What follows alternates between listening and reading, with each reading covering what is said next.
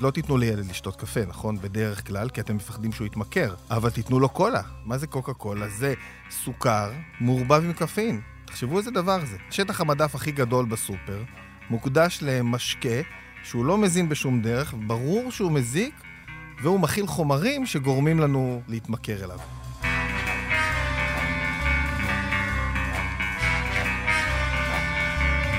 ברוכים הבאים למרקר עם פודקאסט סוף השבוע של דה מרקר. ההזדמנות שלכם לקחת פסק זמן ממחזור החדשות היומיומי ולצלול איתנו לאירועים, לאנשים ובעיקר לרעיונות מאחורי החדשות. כאן באולפן איתכם כבדי שבוע, ענת ג'ורג'י ורולניק. גיא רולניק.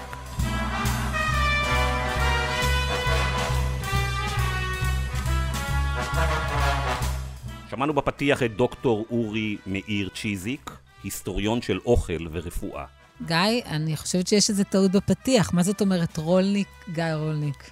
יש מצב שהיה לך בינג' הלילה? ומה זה המוזיקה הזאת, כן. זה פרץ אה, נוסטלגי אה, קטן שהיה לי השבוע אה, ענת.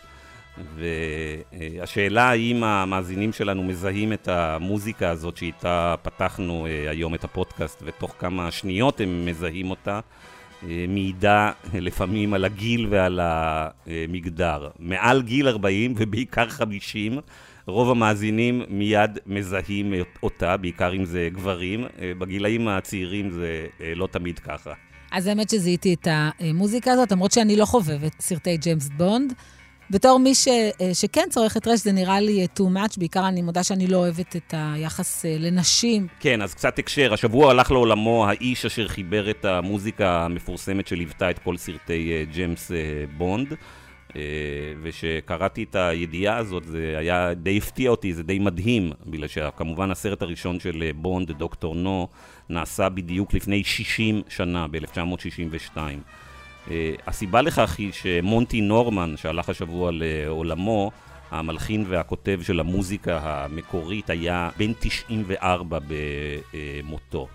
אז למוזיקה הזאת שמלווה את כל הסרטים אה, ומופיעה תמיד אה, בקטעי המתח והאקשן, יש חלק בהצלחה האדירה של הסדרה הזאת, 25 סרטים שבעבר היו הופכים להיות גם כמובן בלוקבאסטרים קולנועים, כל אימת שהיה יוצא סרט חדש מדי משהו בערך אה, אה, שלוש שנים. לפי רמת ההתלהבות שלך, שהיא רק זהה לזה שאתה מדבר על ריכוזיות, אני יכולה להניח שאתה ראית לא מעט מהסרטים האלה, ואולי יותר מפעם אחת. אני טועה, גיא?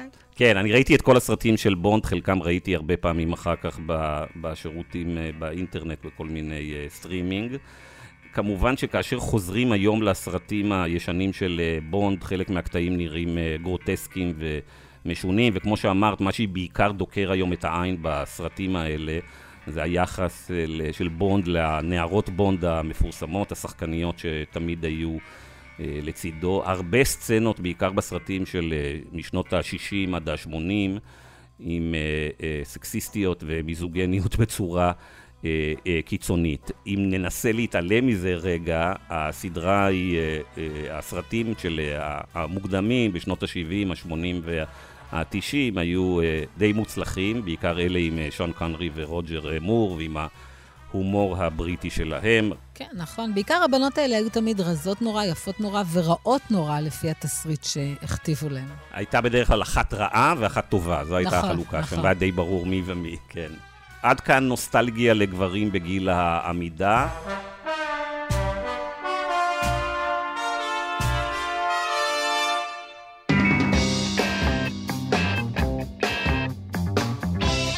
במעבר חד אני מציע, ענת, שנדבר על מה שקורה בירושלים בשבוע האחרון. העדות המדהימה של אה, הדס קליין, העוזרת של אה, ארנון אה, מילצ'ן. אני מבינה שהסיפור, אני יודעת שהסיפור הגדול הוא כמובן נתניהו ו- ומילצ'ן, אבל הדס קליין היא דמות מאוד מעניינת בעיניי. ותהיתי האם כל אחד יכול להגיע או להיקלע למקום שאליו היא נקלעה, או שאתה יודע, בסופו של דבר היא ניהלה את כל המנגנון הזה של מעבר השמפניות והסיגרים. אה, והשאלה אם נקלעה לסיטואציה או שהבינה מהר מאוד איפה היא נמצאת, ובכל זאת זרמה איתה. אני מודה שזה מאוד מאוד העסיק אותי מאז תחילת העדות שלה. כן, אז התשובה היא שאני חושב שהיחסים, הגילויי האריות האלה בין אה, ארנון מילצ'ן לבין פוליטיקאים ישראלים, זה לא דבר שהתחיל עם אה, משפחת נתניהו. מילצ'ן מוכר ל... לישראלים בעיקר כמפיק של אישה יפה וסרטים אחרים מצליחים בהוליווד, אבל בעצם הוא התחיל את דרכו בסחר נשק בין ישראל לכל מיני מדינות בעולם, ובעסקים האלה קשרים של הון שלטון הם, הם קריטיים, והוא באמת היה קשור מיד בתחילת דרכו, בשנות ה-20 וה-30 של חייו, לפוליטיקאים הכי בכירים בישראל, כמו שמעון פרס, והוא מעיד בעצמו שהוא חבר, תמיד היה חבר של כמעט כל ראשי הממשלה שלנו. כך שאני מניח שהדס קליין שהתחילה לעבוד עם ארנון מילצ'ן, מהר מאוד מצאה את עצמה בתוך העולם הזה של בין כסף לבין פוליטיקה.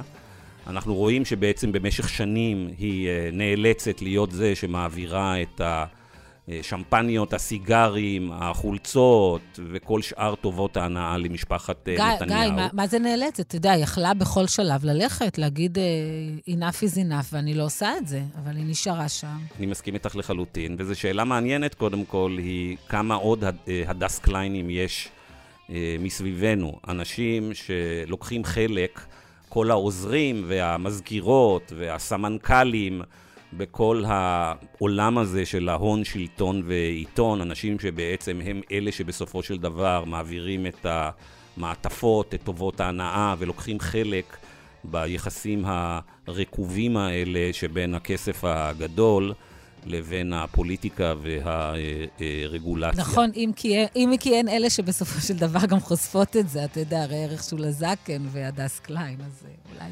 כן, אבל בדרך כלל, זו נקודה מאוד טובה, ענת, אבל בדרך כלל הן או הם חושפים את זה רק מכורח. אנחנו רוצים, אני צריך לזכור שבעצם הדס קליין מדברת עכשיו בגלל שארי הרו, העוזר של נתניהו, שהסתבך באיזה פרשייה פלילית אחרת, החליט להפוך להיות עד מדינה. ואז הוא בעצם סיפר, נתן לחוקרים במשטרה את קצה החוט על כל תעשיית השוחד וטובות ההנאה שהייתה סביב לשכת ראש הממשלה, ומשם זה הוביל למילצ'ן. הוא לדעתי היה שם בחדר כאשר אה, מילצ'ן מופיע אה, יום אחד אצל נתניהו בבית עם שמפניות וסיגרים, ודורש מנתניהו כרגע להתקשר למזכיר המדינה האמריקאי ג'ון קרי כדי לסדר לו את הוויזה, ובעצם הר עד לדבר הזה, והוא משתף את זה עם השוטרים, ואז השוטרים הולכים כמובן וחופרים עמוק, והם מגלים שנכנסים לתוך מאורת הארנב הזאת לאין ספור מקרים אה, דומים של טובות הנאה והחלטות אה, רגולטוריות, גם בתיק 1000, גם בתיק 2000 וגם בתיק 4000. אבל לפני שנעבור לנושא הפודקאסט שלנו, עוד הערה אחרונה על uh, העדות של uh, הדס uh, קליין. אז מעבר לעניינים הפליליים ולעסקאות ההון שלטון המכוערות שכולנו נחשפנו אליהם, אני חושב שהעדות של uh, קליין מציגה את uh, uh, הזוג נתניהו לא רק uh, כמי שאולי חצו את הקו הפלילי, וזה אנחנו נראה מה יחליטו השופטים, אלא גם כאנשים שסובלים מבעיה קשה של קמצנות חולנית וגם מין סוג של התמכרות לקבלת מתנות וטובות הנאה. אני לא הפסיכיאטר במשפחה, אבל לדעתי שאני קורא את הדברים האלה, חלק מהם ממש נראים לי כמו התקרבות לסוג של איזה הפרעת אישיות. טוב, בוא נראה מה, אתה יודע, כל יום עולים דברים חדשים גם בחקירה הנגדית, אני מניחה שזה עוד רחוק מלהסתיים. כן. טוב, אז הפודקאסט שלנו השבוע עוסק בנושא הכי פופולרי בעידן הזה, אחרי בנימין נתניהו כמובן, ושרה נתניהו, וזה כמובן אוכל, אוכל ושוב אוכל. אנחנו היום לא ניתן מתכונים וגם לא נציע דיאטות חדשות, זה סוג התוכן בו הערוצים והאתרים מציפים אותנו במאות כתבות כל שבוע. הנושא שלנו היום הוא הכלכלה הפוליטית של אוכל. כיצד חברות המזון מהנדסות מזון ומהנדסות את ההרגלים שלנו. האם חברות המזון הגדולות אחראיות בעצם לחלק עצום מבעיות הבריאות בעידן המודרני, בעיקר ב-40 השנים האחרונות. נכון, גיא, אבל לא רק, נדבר גם על האבולוציה של המזון ועל הדרך שהוא עבר מאז שהיינו מלקטים ועד היום. מיד יהיה כאן באולפן, כמו שאמרת, אחד המומחים לאוכל, מי שההרצאה שלו הוציאה לי את חשק לאכול דגים וגבינות, אולי לאכול בכלל. ואני מתכוונת כמובן לאורי מאיר צ'זיק, שכבר הזכרנו בפתיח. מיד מתחילים.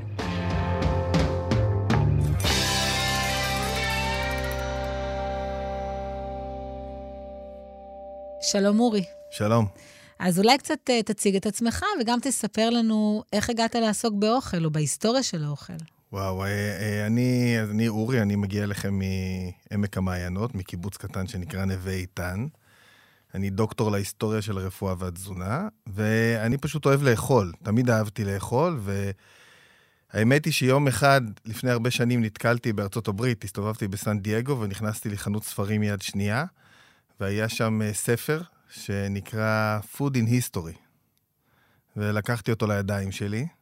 לא יכולתי להתנתק ממנו, הייתי בטיול עם אשתי, אז היינו זוג צעיר, והיה לנו הסכם, היינו מאוד עניים, שכל פעם שאני מסיים ספר, היא קונה לי אחד חדש, בנושא הזה.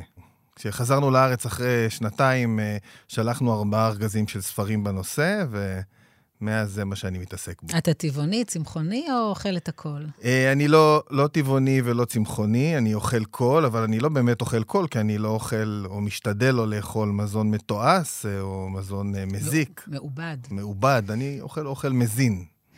אתה יודע, אני אוהבת לעשות קניות בסופר. אוי ואבוי. יש שם, ידעתי שתגיד את זה, יש שם הכל אה, מרוכז, זה נכון שזה קצת יקר, אבל זה תמיד נראה טרי וטוב. אה, ושמעתי השבוע הרצאה שלך, כמו שאמרתי קודם, שבה אתה אומר שבסופר אנחנו לא באמת קונים אוכל, אלא קונים סחורה. אז אולי אה, נתחיל בזה שתספר לי מה אני מכניסה בעצם הביתה כשאני עושה קניות בסופר הקרוב לביתי. בעצם, כמו, ש, כמו שאמרת, אנחנו, כשאנחנו קונים בסופר, אנחנו לא קונים אוכל, אנחנו קונים סחורה, ומה. שמאפיין, מה שאני אמרתי, כן, ומה שמאפיין סחורה זה שאנחנו אה, לא יודעים מאיפה היא הגיעה ומה היא עברה בדרך. אחד התהליכים שאנחנו רואים מאז המהפכה החקלאית אצל, אה, בחברה האנושית, זה שאנחנו בתהליך של התרחקות מהאוכל שלנו. זאת אומרת, אם היינו בהתחלה לקטים ציידים, היינו מלקטים את האוכל שלנו ומיד אוכלים אותו, או צדים אותו ומיד אוכלים אותו, אז ידענו בדיוק מאיפה הוא הגיע ומה הוא עבר בדרך. ובעצם מאז התחלנו בתהליך של התרחקות. התחלנו לאגור את המזון שלנו, מהפכה חקלאית, ואנחנו הולכים ומתרחקים ומתרחקים ומתרחקים, וככל שאנחנו מתרחקים יותר, אנחנו פחות מודעים לשאלה מאיפה הגיע האוכל שלנו ומה הוא עבר בדרך, ואנחנו בעצם, הסופר מביא את זה לאיזשהו שיא. כי אין לנו דרך לדעת, במיוחד בישראל, אין לנו דרך לדעת מאיפה הגיע האוכל שלנו. וזה מרכיב מאוד מאוד חשוב, אם אנחנו רוצים לאכול אוכל מזין, בריא, אפילו שתומך בכלכלה מקומית. אנחנו צריכים לדעת מאיפה הוא הגיע. אורי, אחד מסלעי המחלוקת העיקריים בין הימין הכלכלי לבין השמאל הכלכלי הוא היחס לנושא של אה, חופש, אה, חירות והבחירה שאנחנו עושים בבחירות. הימין מקדש את הרעיון שאנחנו צריכים אה, לארגן את החוקים והכלכלה שלנו על הבסיס הרעיון שכל אחד מאיתנו צריך להיות חופשי אה, לבחור. והרבה עוסקים בשאלה של מקסום התועלת של היחיד והבחירה שלו לבין הסתכלות עלינו כחברה. אבל יש שאלה גדולה מאוד שרבים נוטים לפעמים להתעלם ממנה, והיא אותה הנחה על זה שיש לנו חופש בחירה.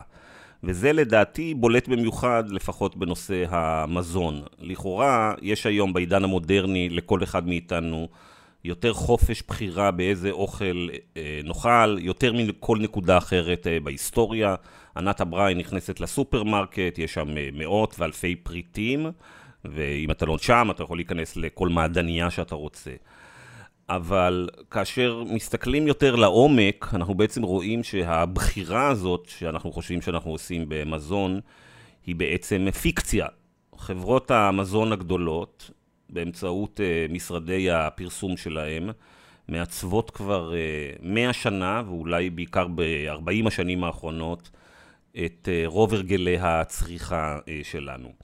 אז אולי לפני שתסביר לנו בדיוק איך מעצבים את הרגלי הצריכה שלנו, תלך קצת איתנו לאחור, אה, להיסטוריה הזאת, ותסביר לנו מתי בדיוק הפכנו להיות אה, עכברי מעבדה של חברות המזון הגדולות.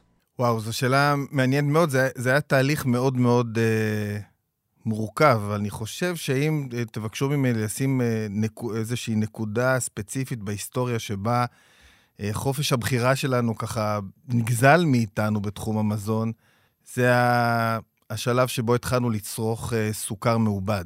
בעצם אחד הסיפורים הכי מעניינים בהיסטוריה של התזונה זה הסיפור של הסוכר, כי היום אם תלכו לסופר ותעשו ערימה גדולה מהסופר, רוב מה שיש שם זה סוכר.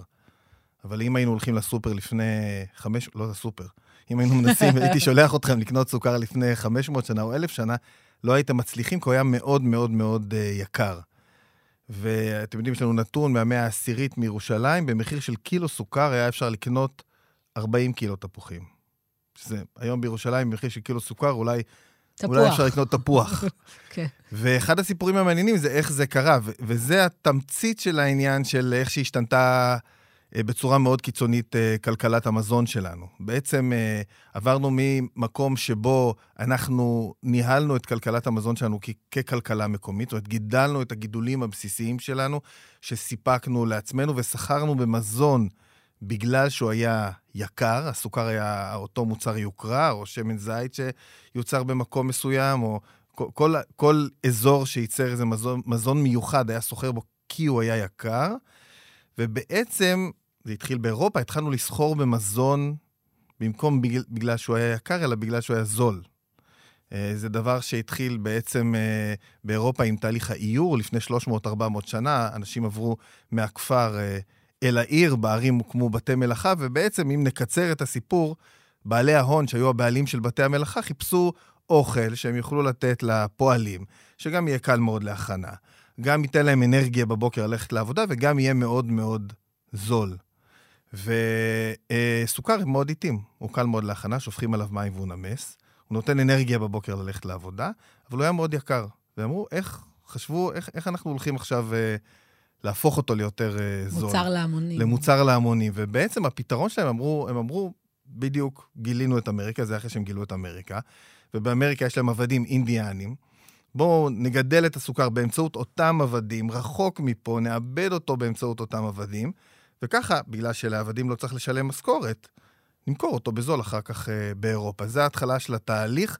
זה, דרך אגב, עבד למעט מאוד זמן, כי עבדים, כשמעבידים אותם בעבודות פרך, מתים, אבל אז הם עלו על השיטה היותר אה, מעניינת, שאפשר להעביר עבדים ממקום למקום, וככה אה, העבירו את העבדים, עבדים נוספים מאפריקה לאמריקה. במחקר קוראים לזה, בעצם זו הייתה הפעם הראשונה שסחרו בקנה מידה כזה גדול במוצר מזון, לא בגלל שהוא יקר, אלא בגלל שהוא זול.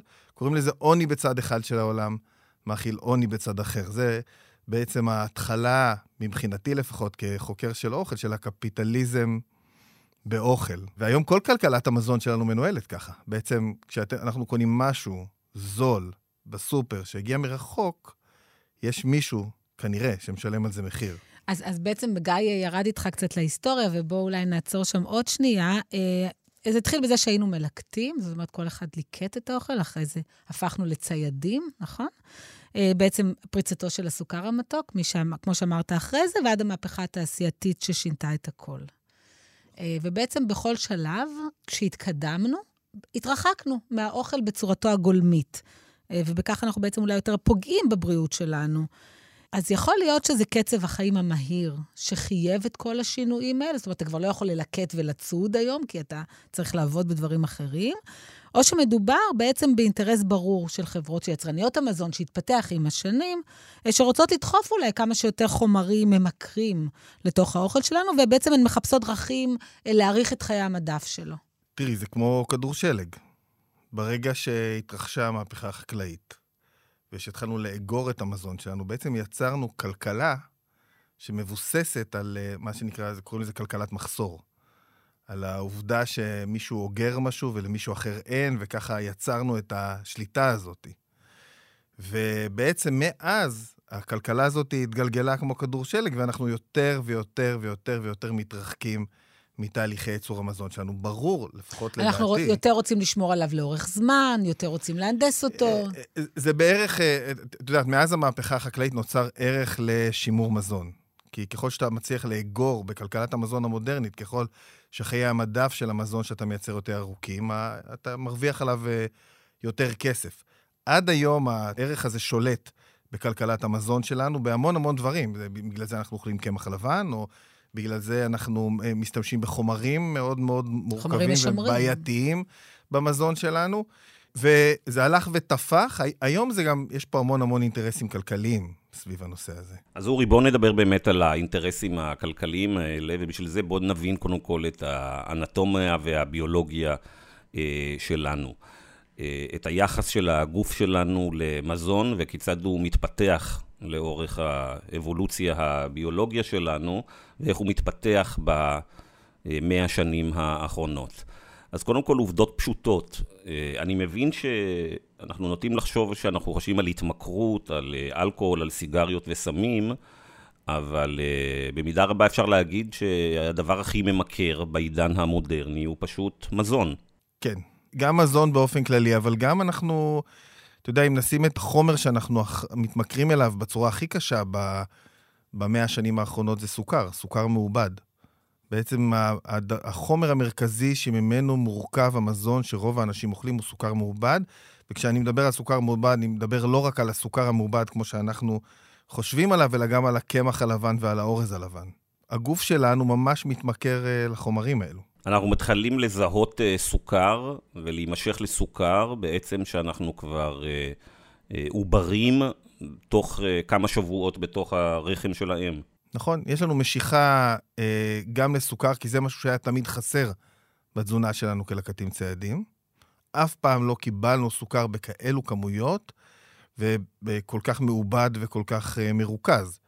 ובעצם בכמויות שאנחנו צורכים את הסוכר היום, הגוף שלנו פשוט לא מסוגל להתמודד איתם. עכשיו, אנחנו מתמכרים גם אל הסוכר, אבל גם לעוד הרבה חומרים אחרים שיש בתזונה שלנו, אפילו, אתם יודעים, uh, קפאין. זו דוגמה מאוד מאוד טובה. דרך אגב, אחד הדברים המדהימים הוא שקפה, נגיד, לא תיתנו לילד לשתות קפה, נכון? בדרך כלל, כי אתם מפחדים שהוא יתמכר, אבל תיתנו לו קולה. מה זה קוקה קולה? זה סוכר מעורבב עם קפאין. מוכח מחקרית שילדים מאבדים עניין בקולה אם מוציאים להם את הקפאין מהקולה. תחשבו איזה דבר זה. אנחנו, רוב השטח, השטח המדף הכי גדול בסופר מוקדש למשקה שהוא לא מזין בשום דרך, ברור שהוא מזיק, והוא מכיל חומרים שגורמים לנו להתמכר אליו. ואחת השאלות זה איך, איך נתנו לדבר כזה לקרות. אחת הטענות שאנשים uh, טוענים uh, שאני, שאני מספר להם זה, אומרים, אבל בן אדם בוחר. אבל זה לא בדיוק נכון, כי גם אנחנו מכורים, כמו שאמרנו, אבל גם יש פה, אנחנו מסלילים את עצמנו אה, אה, באמצעות פרסומות. אני בדיוק, היה עכשיו את הרמדאן לא מזמן, והפרסומות של קוקה קולה, כל המשפחה יושבת ברמדאן ושותה קולה. הם לא סתם עושים את הפרסומות האלו, זה פרסומות שגורמות לנו לחשוב שקולה זה מהות החיים. מהנדסים את התודעה, זה ממש... אה, ממש כך. אז בואו נדבר באמת מה עושות הפרסומות האלה בעצם, ונחזור על זה דרך הביולוגיה שלנו. הפרסומות האלה אה, משפיעות בעצם על הטעם שלנו ולהרגלים שלנו, והן יוצרות אצלנו גם אה, סוג של הבניה, מאחר ואנחנו בעצם, חלק מהטעם מתחיל אצלנו בכלל בזיכרונות שיש לנו. והכמות השיווק העצומה של חברות המזון בעצם יוצרת אצלנו גם הרגלים המבוססים על זיכרונות. שאנחנו נכנסים לסופרמרקט, ואנחנו, מספיק שאנחנו רואים את הלוגו של קוקה קולה, מיד המוח שלנו נזכר באותם רגעים, בעיקר בילדות, שבהם שתינו את הקוקה קולה, באותם רגעים שבהם היה לנו את הרעש הזה של אה, סוכר. נכון, אוכל, אוכל זה באופן מובהק עניין uh, תרבותי. דרך אגב, גיא, המקרה הקלאסי זה היה עם אוסם והמרק עוף, שממש הם בנו פרסומת שהיא חוויה משפחתית שלמה סביב אותו מרק עוף שבעצם אוסם מייצרת. לא, אבל תנובה עם החלב והבית, זה, כל החברות עובדות על אותם אה, מוטיבים. צריך להגיד שאוכל הוא עניין אה, תרבותי, מה שמרגילים אותנו, מה שלימדו אותנו כשהיינו ילדים, זה מה שאנחנו נרצה לעשות בדרך כלל. בתור uh, בוגרים. זאת אומרת, אם שתינו קולה, אנחנו נרצה לשתות קולה. את יודעת, אני תמיד מספר שאני בתור ילד, אצלנו שיא ההתרגשות היה שהיינו הולכים לבורגראנץ'. עד היום, כשאני רואה בורגראנץ', אני פתאום, הילדות שלי עוברת לי אה, מול העיניים. זה דברים שמאוד מאוד משפיעים עלינו. כש, כשאנשים אומרים לי, הילד שלי לא אוכל, או לא יסכים לאכול אה, לחם מלא, כי הוא... אז אני אומר להם, זה, זה בגלל שאנחנו הרגלנו את הילדים שלנו. אני לא, אבל אנשים מרגילים את הילדים שלהם לאכול לחם לבן. הדבר הכי קשה הוא לעשות את, ה, את השינוי. אבל uh, אם תלכו למקומות בעולם שבהם אין, היום כבר כמעט אין כאלו, כן? אבל אין קולה או אין לחם לבן, אין פה עניין של טעם, יש פה עניין של תרבות. אבל רציתי לשאול אותך, דווקא מקומות שהם אולי פחות מפותחים, אה, דווקא שם יש יותר תזונה שהיא קרובה למקור. שככל שאתה חי במדינה יותר מתועסת ויותר מתקדמת ויותר מודרנית, ככה בעצם אתה יותר, האוכל שאתה אוכל הוא יותר רחוק מהמקור, יותר מעובד, יותר... אני אגיד שזה היה נכון עד לא מזמן, אבל היום תעשיית המזון בעצם פלשה גם למקומות היותר אה, רחוקים ולמדינות, מה שנקרא בפה שלנו, עולם אה, שלישי, והדוגמה הכי טובה זה איך כל הקוקה קולה השתלטה על אה, אפריקה. זה פשוט מדהים, באפריקה בדרך כלל קולה תהיה יותר זולה ממים, וכל אפריקה מכורה לקוקה קולה, ויש לזה השפעות בריאותיות נוראיות, וככה רוב תעשיית המזון אה, עובדת, ו- וזו בעיה מאוד מאוד אה, גדולה. אז אה, הרגלי האכילה שלנו בעצם אה, טבועים בזיכרון שלנו. ומי שדואג שהזיכרונות שלנו יהיו אה, מבוסס עם מזון מאוד מסוים, זה מכונת השיווק האדירה של חברות המזון. אז אה, אולי בואו נחזור עכשיו להיסטוריה של התפתחות השיווק של אה, מוצרי מזון. מתי בעצם המהנדסים של חברות המזון מבינים שהם צריכים לא רק להנדס את המזון שיתאים, שימכר אותנו, אלא גם צריכים... להנדס את ההרגלים שלנו ואת הזיכרונות שלנו.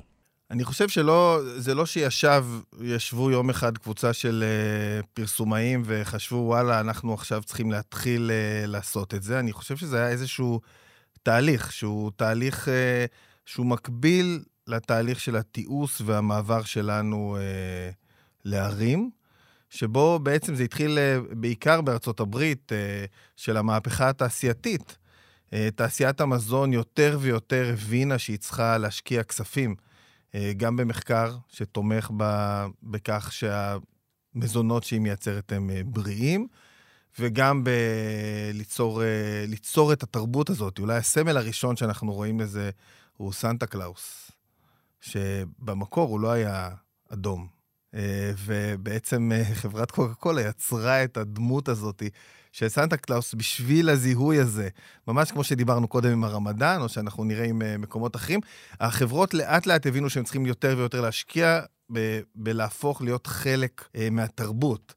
פה אפשר, נגיד, אם נתנו את הדוגמה של סנטה קלאוס בארצות הברית, אז פה אפשר לתת את הדוגמה של שבועות שהפך להיות חג החלב. זה השקעה, זה, זה רעיון גאוני, דרך אגב, שאמרו, טוב, אנחנו רוצים להראות תוצרת מקומית, בואו נראה את החלב, כי זה ה... אבל אם תלכי לאורך ההיסטוריה לחפש אה, במה שבועות עסקה, אז זה לא היה בקניות אדירות של אה, מוצרי חלב. אז זה הדוגמה אצלנו, אבל זה הופך להיות יותר ויותר אה, מקובל.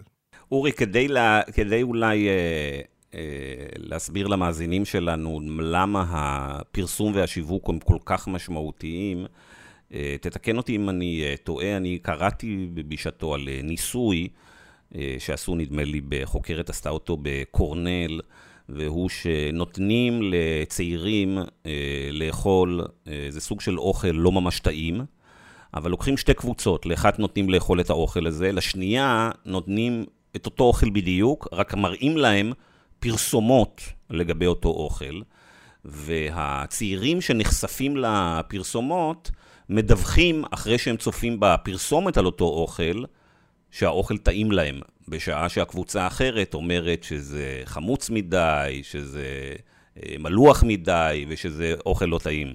ממש כך, אה, ממש אה, אנחנו רואים בהרבה מאוד מחקרים על איך שמה שאנחנו חושבים על האוכל, זה מה שמעצב את הטעם. המחקר הכי מעניין שאני מכיר היה עם חיילים בארצות הברית, שנתנו להם לאכול מעדן תות חדש, ונתנו להם לאכול אותו בחושך מוחלט, וסיפרו להם שזה מעדן אה, תות, אבל נתנו להם בעצם מעדן אה, שוקולד. ואף אחד מהחיילים לא זיהה שזה מעדן שוקולד. יש אפילו, אחרי זה שהם מילאו את הטפסים, אז היה איזה חייל שאמר שזה המעדן תות הכי טוב שהוא טעם אה, בחיים שלו. אנחנו מאוד מושפעים ממה שאומרים לנו על האוכל, מהכלים שנותנים לנו אה, לאכול איתם אה, את האוכל. דרך אגב, זה עובד גם הפוך. כשבאים אליי ואומרים לי איך אני אגרום לילד לאכול אה, לחם מלא, אז אני אומר להם, הדרך לגרום לילדים שלנו לאכול את האוכל זה להפוך אותם להיות שותפים להכנה שלו. ילד שאופה לחם, אוכל אותו. זה, זה גם חלק אני, מהעניין. אני, יש לי תחושה שילדים הם יותר סקפטיים בעניין הזה. אם זה לא טעים, הם לא אוכלים, לא משנה כמה את... אבל אני לא חושב, ענת, אני, אני, אני קצת לקראת הפודקאסט הזה הלכתי לקצוע, לקרוא קצת את הספרות על הנושא הזה, ובניגוד למה שאת אומרת, השאלה מה טעים לילד או מה לא טעים לילד, תלויה בעיקר אה, לא באיך הבנו את הרעיון של מה טעים ומה לא טעים אצלו, וזה נעשה בעיקר באמצעות אה, שיווק ופרסום לאורך הרבה מאוד שנים. אולי אני אתערב ואגיד שהעניין הוא, לא, הוא תמיד לא עניין אישי, הוא עניין קהילתי. זאת אומרת, העניין הוא תרבותי. מי שצריך להגן עלינו מפני הפרסום של חברות המזון, הוא בעצם לא אנחנו. הוא המדינה, הרגולטור, שאמור או למנוע את הפרסום הזה, או לייצר פרסום שמאזן אותו. אני רוצה לחזור איתך לעניין של המזון ולסופר, ואתה יודע, הצריכה של משקי הבית על מוצרי מזון עולה בכל, כל הזמן בעצם. אה, ואני רוצה להציע לך שנעשה איזה משחק קטן. אני אומר לך מוצר שאני קונה בסופר, ואספר לך מה, למה אני קונה אותו ולמה אני חושבת שהוא טוב לי ולילד שלי, ואתה תגיד לי אה, בעצם איפה אני טועה. בסדר? אני אנסה, אולי את לא אוקיי. טועה. אוקיי, אז בוא נתחיל עם עוף. כמו שאתה, אני צמחונית, אבל כמו שאתה יודע, ישראל מדורגת במקום ראשון אה, בעולם בצריכת אה, עוף אה, לנפש. ואומרים לנו שיש בו חלבון ושיש בו ברזל. בכלל, באוכל מן החי יש הרבה מאוד ברזל. אה, ואני, בכל פעם שאני קונה אותה, אני מרגישה שעשיתי משהו שהוא נכון, ו- ואני רוצה לשאול אותך אם אני צודקת. טוב, אז אני אגיד שני עניינים לגבי, אה, לגבי עוף. העניין הראשון הוא שאנחנו, יש לנו עודף חלבון. אז חלבון זה לא הנושא ה- ה- שאנחנו ממש צריכים אה, להתרכז בו. אנחנו יותר צריכים להתרכז בשומן איכותי, אבל זה כבר נושא להרצאה שלמה. מעבר לזה שבגלל שאנחנו תעשיית העוף מהגדולות ביותר בעולם מבחינת הכמות לנפש, הגידול של העוף פה הוא מאוד מאוד מאוד אינטנסיבי. ובגלל שהגידול של העוף פה הוא מאוד מאוד אינטנסיבי, אז משתמשים פה בהמון המון אה, חומרים. העופות גדלים פה בצפיפות מאוד גדולה, מקבלים הרבה מאוד אה, חומרים אנטי-בקטריאליים. את יודעת, אה, לא מזמן קראתי דוח של משרד החקלאות על כמות החומרים האנטי-בקטריאליים שמקבל פה מזון מן החי במהלך גידולו אל מול אירופה. אז בישראל, על כל קילו בשר, שיוצא לשווקים. אנחנו משתמשים ב-680, אם אני לא טועה, אל תתפסו אותי על המספר המדויק, אה, מיליגרם של אה, חומרים אנטי-בקטריאליים.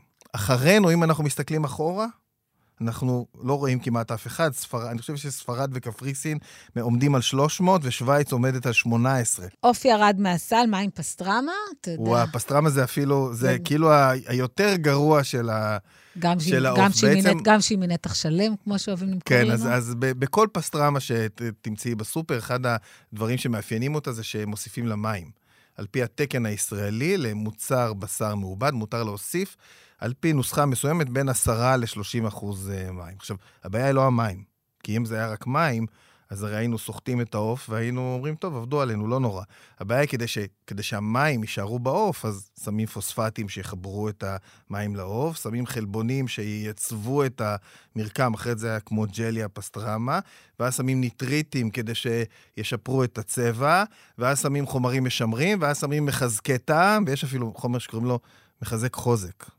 אני אף פעם לא הבנתי מה זה עושה. אבל יש המון המון חומרים. אז עכשיו אני אלך למשהו יותר קל, שמן קנולה, שזה בטח חזרה לבסיס, לא? אה, לא בדיוק. כי הרי, את יודעת, שמן זית תמיד צרכו פה, ושמן זית בכבישה ככה, באמת, אם תיקחי זית ותמוללי אותו בין האצבעות, יצא לך שמן. אבל מה צריך לעשות כדי לעשות שמן מזוכח? שמן מתירס, או מסויה, או מקנולה, שאף אחד פה אף פעם כנראה לא ראה בעיניים שלו. בשביל לעשות שמן מזוכח צריך דבר ראשון להעלות את הטמפרטורה ל... אה, של החומר לטמפרטורה מאוד גבוהה, ואז להשתמש בחומר מאוד מסוכן שנקרא אקסן. בטח שמעת עליו, מפיקים אותו מבנזן, מנפט, כדי להפריד את השומן.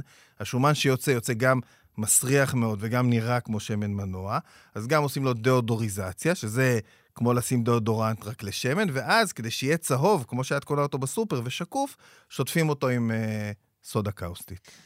וואי. דרך אגב, החומרים האלו, שהשתמשו בהם בתהליך ייצור הזה, לא, למרות שיש שארייתיות שלהם בשמן, לא צריך לסמן אותם על האריזה. למה? לכל, בתק, אני חבר בווע, בוועדה המרכזית לתקנון מזון ומוצריו במכון התקנים. בכל תקן של כל מוצר מזון, יש רשימה של חומרים שנקראים מסייעי ייצור, שהם חומרים שאפשר להשתמש בהם בתהליך הייצור, אבל לא, צריך לסמן אותם על האריזה. אוקיי, פיתה, אמרת מה דעתך על קמח לבן, ואני אה, זוכרת ששמעתי שאמרת שקמח לבן זה מוצר נהדר ונפלא, הם רוצים לעשות עבודת יצירה בגן, אבל לא. לאכול אותו, ואני רוצה להגיע לסיפור המדהים, שאותי לפחות הצליח להפתיע ממש, והוא זה של נסיכת הנילוס אה, ואגם ויקטוריה. אמנם צריכת הדגים בישראל לא משתווה לזה של הבשר, אבל אפשר לומר שנסיכת הנילוס הוא הדג אולי הכי פופולרי בישראל, או בוודאי אחד הפופולריים, אה, אבל אם הייתי יודעת מה הוא אכל בדרך לצלחת שלנו, אולי לא הייתי נוגעת בו, אז אה, אתה רוצה לספר את הסיפור של אגם ויקטוריה? אני אגיד שהסיפור של אגם ויקטוריה ושל נסיכת הנילוס הוא סיפור שמדגים בעצם את המרחק שלנו ואת העובדה שאנחנו לא יודעים מאיפה הגיע האוכל, אבל... אה, וגם הסיפור של הקולוניאליזם וההתחלה של הקפיטליזם, ממש כמו שסיפרנו על, הסופר, על הסוכר. הסיפור של אגם ויקטוריה בעצם מתחיל אה, עוד לפני הרבה שנים. אגם ויקטוריה זה האגם הרי השני בגודלו בעולם. אה, מדינת ישראל נכנסת בשטח שלה בתוך אגם ויקטוריה שלוש וחצי פעמים. ולאורך כל ההיסטוריה חיו אפריקאים נחמדים סביב אגם ויקטוריה, והתפרנסו מדייג של דג שנקרא אמנונית, מושט. היו באגם 300 מינים שונים של אמנוניות, והחבר'ה יוצאים עם הסירות הקטנות שלהם, דגים את הדג, וכל הכלכלה של האזור אה, התבססה, וגם התזונה על אותו דג. ואז, אני ככה מקצר את הסיפור, באיזשהו שלב, לפני בערך 100-150 שנה, בעצם אפריקה חולקה בין מדינות אירופה, ורוב אגם ויקטוריה נפל בתוך שטח שליטה בריטי. ובשביל הבריטים, האמנונית הייתה דג, אה, היה דג אה, קטן מדי, הם רצו להכניס דג יותר גדול, דג יותר מסחרי. אז הם הכניסו את אה, נסיכת הנילוס. עכשיו, יש כמה דברים שצריך לדעת על נסיכת הנילוס. זה גם דג מאוד מאוד מאוד שומני, בגלל זה מאוד אוהבים אותו בתעשייה. לא משנה כמה מבשלים אותו, הוא נשאר נימוח. הוא גם דג מאוד גדול, שוקל בממוצע 200 קילו, וגם אה, דג טורף. הוא דג שאוכל בדרך כלל דגים אחרים. עכשיו, מה קרה? דבר, הכניסו את הדג הזה לאגם ויקטוריה. דבר ראשון, תוך 50 שנה הוא כמעט חיסל לגמרי את כל אוכלוסיית האמנוניות, מה שגרם לנזק אקולוגי אדיר. זה היה אגם מדהים, והוא הפך לאחד האגמים המזוהמים ביותר בעולם, כי גם, אה, אתם יודעים, מתפתחת באגם כזה מערכת אקולוגית, שבה דג אוכל דג, אוכל דג, אוכל תאצות, מכניס את החמצן למים, אז גם התחילה לה, להצטבר שכבה של אצות על פני המים שלא נותנת לחמצן להיכנס פנימה. וגם עוד הבריטים הכריחו את החקלאים המקומיים לגדל עצי גומי במקום אוכל בשביל עצמם, כי זה תעשייה, ואת הפסולת מתהליך ייצור הגומי הם שפכו לתוך האגם. אז גם זה מגיע מאחד המקומות המזוהמים ביותר בעולם. וגם, את יודעת, ה- הח- הרי החבר'ה המקומיים שעם הסירות הקטנות שלהם אי אפשר לדוג דג של 200 קילו. אז המערב הביא ספינות די גדולות שדגות את הדגים ממרכז האגם, מביאות אותם למפעלי פילוט על גדות האגם, שם מפלטים אותם. עכשיו, למקומיים אין כסף לקנות את הפילה, כי אין להם פרנסה, כי הם התפרנסו מדייג. אז את הפילה שולחים לרוסיה, מזרח אירופה וישראל, ואת השאריות, את ההידרות, את הראשים ואת האורות, מחלקים למקומיים, ובעצם בזמן שאנחנו אוכלים נסיכת הנילוס, יש כ-30 מיליון איש שגוועים ברעב סביב אגם אה, ויקטוריה.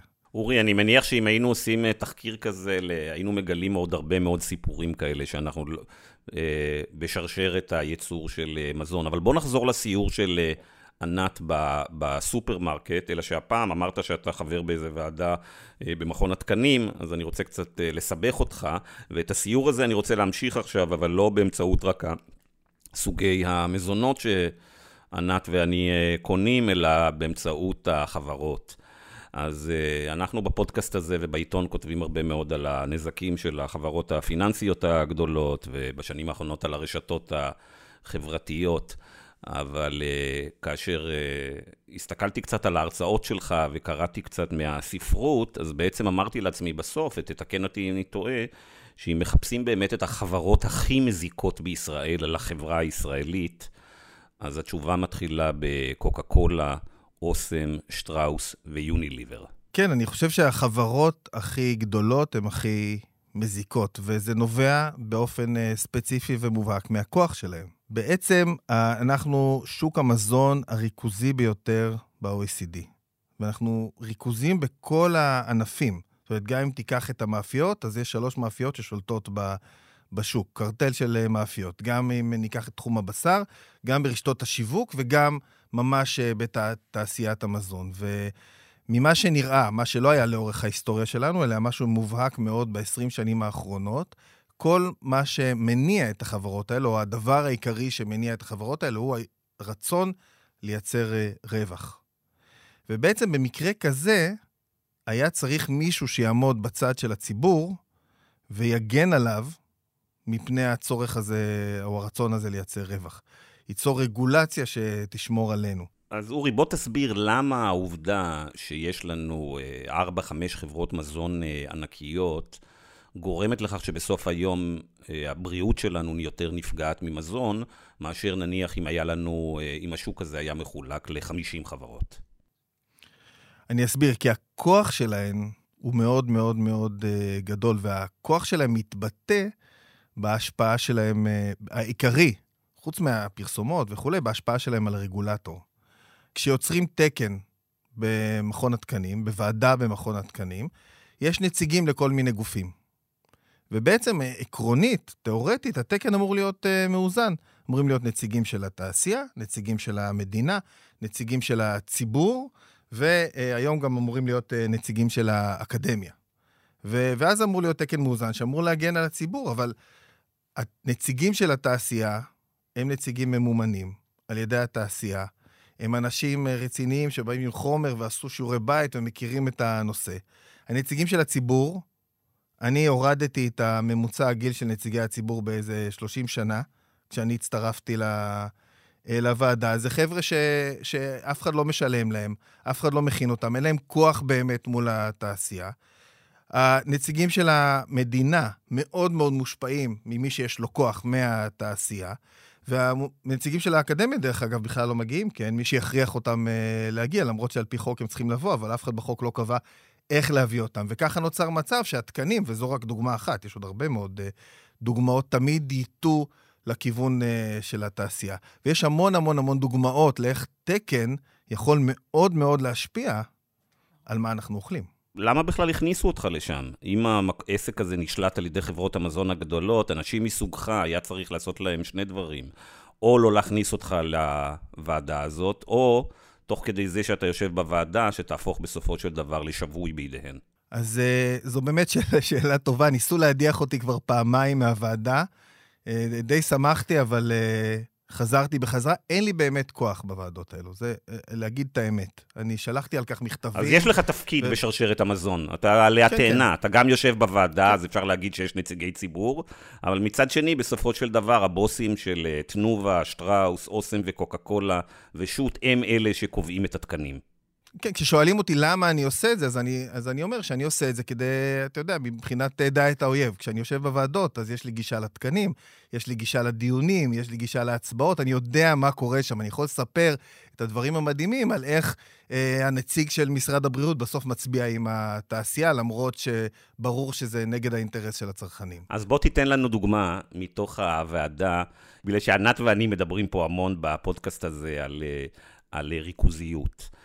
יואו, אני, היא... אני חייבת להגיד לך, גיא, שאני כבר חמש דקות אומרת בלב, אני לא מבינה איך גיא לא אמר עד עכשיו את המילה ריכוזיות ואת המילה, המילה רגולציה. זה כאילו, הוא מרים לך בלי הפסקה, ואתה מצליח לשמור על איפוק, גיא. כן, אז הבעיה עם המילים ריכוזיות ומונופולים ורגולציה, הוא שהנושאים האלה הם מאוד אבסטרקטיים, מאוד uh, מופשטים. ואני רוצה לנצל את זה שאתה באולפן, כדי שתנסה לחבר מתוך הניסיון שלך בוועדות האלה את המילה האבסטרקטית אה, ריכוזיות אה, ורגולטור שבוי לסוג האוכל שענת נאלצת בסופו של דבר לקנות בסופר לעצמה ולבן שלה. אני חושב שאני יכול לתת אולי דוגמה לא ממכון התקנים, אבל אחת הדוגמאות הנוכחיות שאנחנו מתעסקים בהן, שהיא אחת הדוגמאות הכי טובות להשפעה של הריכוזיות, והיא הדוגמה של הלחם הלבן. הלחם הלבן בארץ הוא לחם בפיקוח. ולכן המחיר שלו זול. בעצם אין כזה הבדל משמעותי, הוא מאוד uh, זניח, בעלות הייצור בין לחם לבן ללחם מלא. הלחם הלבן זול, כי הוא נמצא בפיקוח של המדינה, ובעצם המאפיות מפצות אותן על ידי המחיר היקר של הלחם, ה... את עצמן, על ידי המחיר היקר של הלחם המלא. עכשיו, משרד הבריאות כבר מזמן, יש מסמכים באתר שלו, תוכלי למצוא שלחם לבן זה מזיק, ולחם מלא זה מזין. אפשר, זה, זה לא בעיה, זה משהו שהוא מוסכם כמעט על uh, כולם, ולכן לא הגיוני שנשמור על המחיר של הלחם הלבן uh, נמוך והלחם המלא יקר. מה שאנחנו באנו, אמרנו למשרד הבריאות ולמשרד הכלכלה, בואו נהפוך את זה.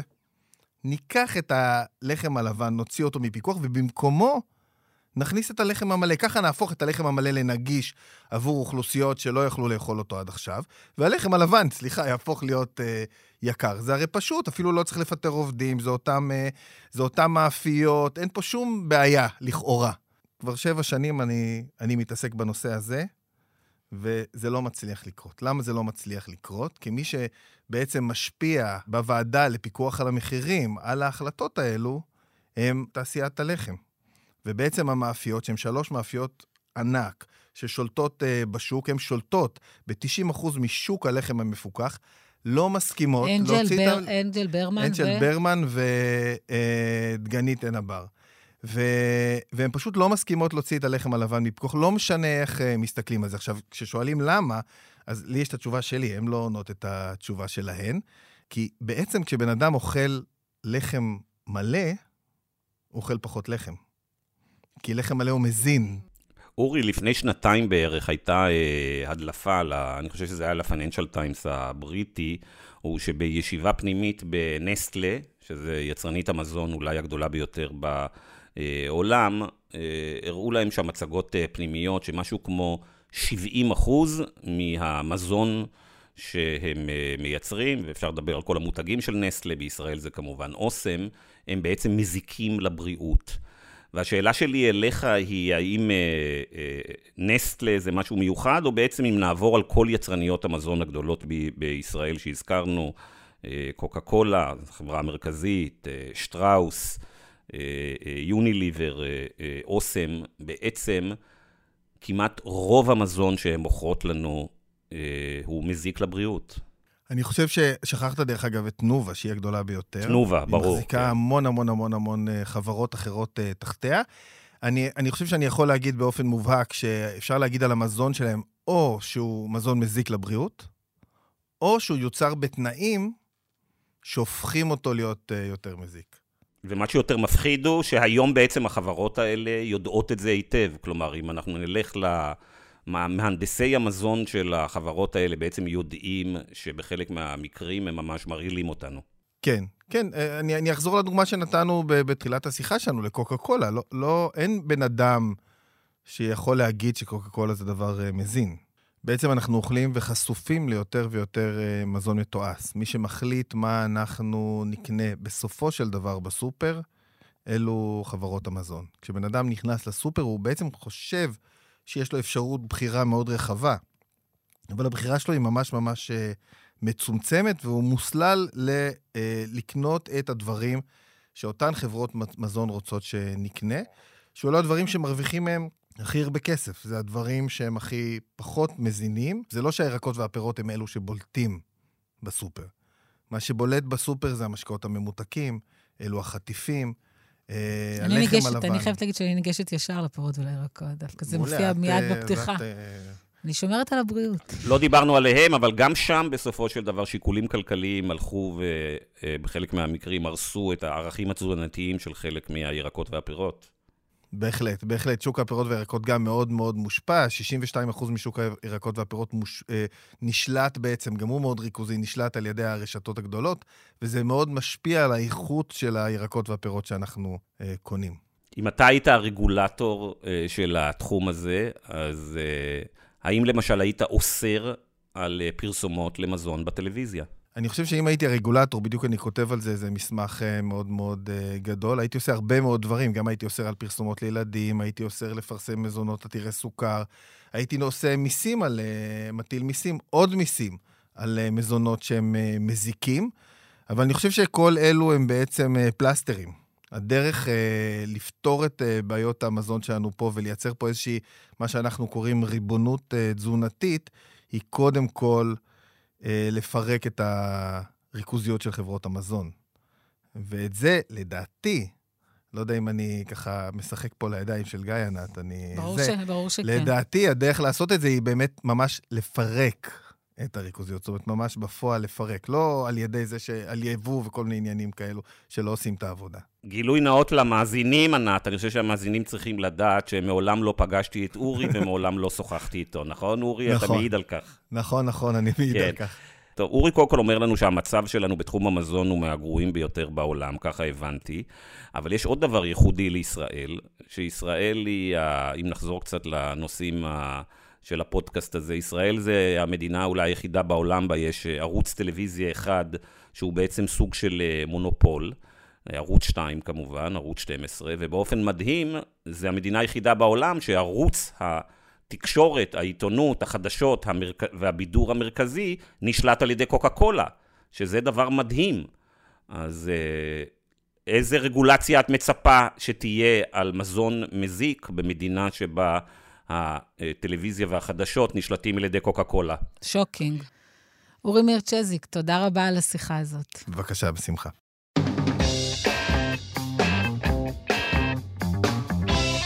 עד כאן המרקרים להשבוע. אם אהבתם את הפודקאסט, אל תשכחו להירשם בחנויות הפודקאסטים של אפל, ספוטיפיי וגוגל. תודה רבה לאורי מאיר צ'יזיק שהגיע לאולפן. תודה רבה לאמיר פקטור המפיק. תודה לעורך שלנו, דן ברומר. תודה לך, ענת. תודה, גיא. ולהתראות בשבוע הבא.